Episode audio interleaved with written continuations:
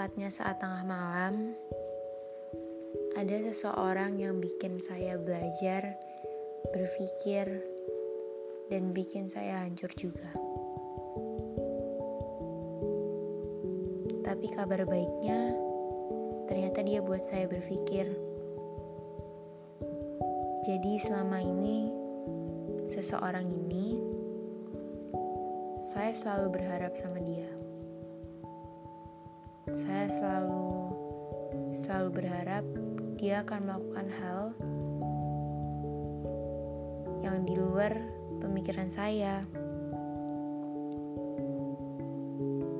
Tapi ternyata sama sekali nggak ada pikiran seperti itu dalam dirinya.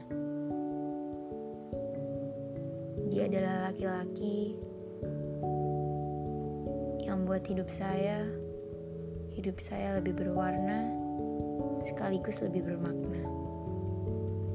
Saya belajar banyak dari dia. Karena dia seorang yang yang belum pernah saya temui di orang-orang sebelumnya. Dia sudah paham apa tujuan hidup, sudah paham bagaimana perasaan orang, dan mungkin pengalamannya lebih banyak daripada saya. Saya senang ketemu dia. Tapi kesalahan saya, kesalahan terbesar saya mungkin,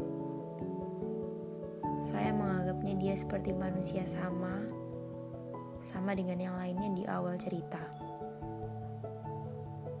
Saya tahu seharusnya saya nggak bersikap seperti itu. Tapi seperti apa yang dia udah bilang, nasi sudah menjadi bubur.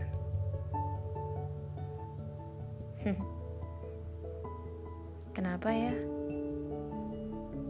Setelah nasi menjadi bubur, saya malah lebih suka ingat tentang dia. Saya lebih lebih apa ya?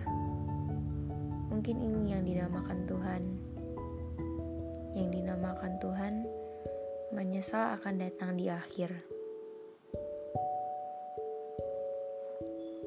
Tapi saya nggak mau menyebut ini menyesal, karena seharusnya nggak ada kata menyesal.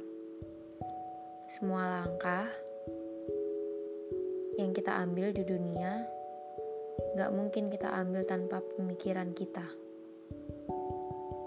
Saya yakin hari itu hari ketika saya melepaskan dia, saya sudah berpikir matang-matang. Gak mungkin saya mengucapkan hal-hal seperti itu tanpa gak ada pemikiran.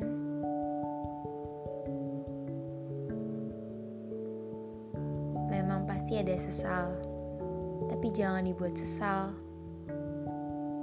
Harusnya jadikan pelajaran. Pelajaran bahwa gak semuanya harus selalu berjalan mulus, selalu berjalan sesuai mau kita. Dan sejak hari itu, benar ternyata, dunia selalu berpihak padanya. Banyak bagian dari saya yang rasanya ada di dia. Itu yang bikin saya saya merasa kesepian, kehilangan, gak ada tujuan, bahkan benar-benar menyesal.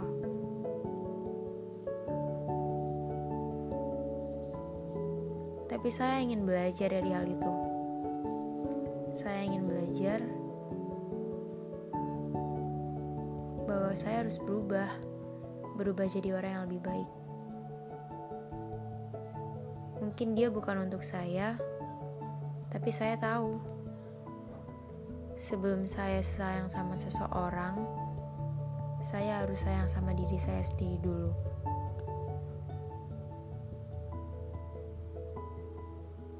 Apa yang dia bilang sama ini selalu benar. Saya nggak tahu dari mana kenapa dia bisa seperti itu, tapi selalu benar. Hanya saya yang sering menyangkalnya.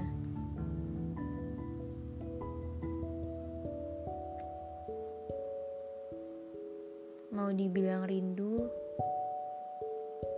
tapi saya tahu dia gak mau tahu.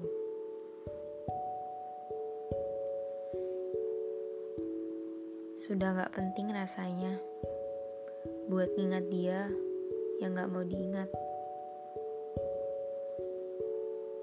Sempat berpikir, apa baiknya saya sayang dalam diam saja ya? Tapi hal itu gak berjalan baik. Karena setelah sayang, saya merasa ada rasa ingin memiliki seseorang itu yang padahal gak boleh. Kan tujuan awal saya sayang dalam diam. Ya sudah saya anggap rencana itu gagal.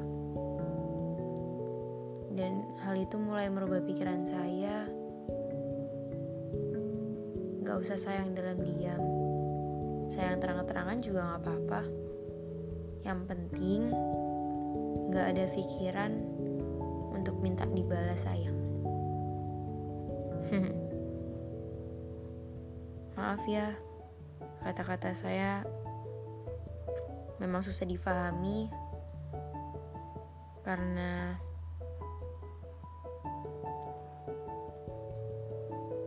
karena memang saya sudah gak bisa paham dengan diri saya sendiri.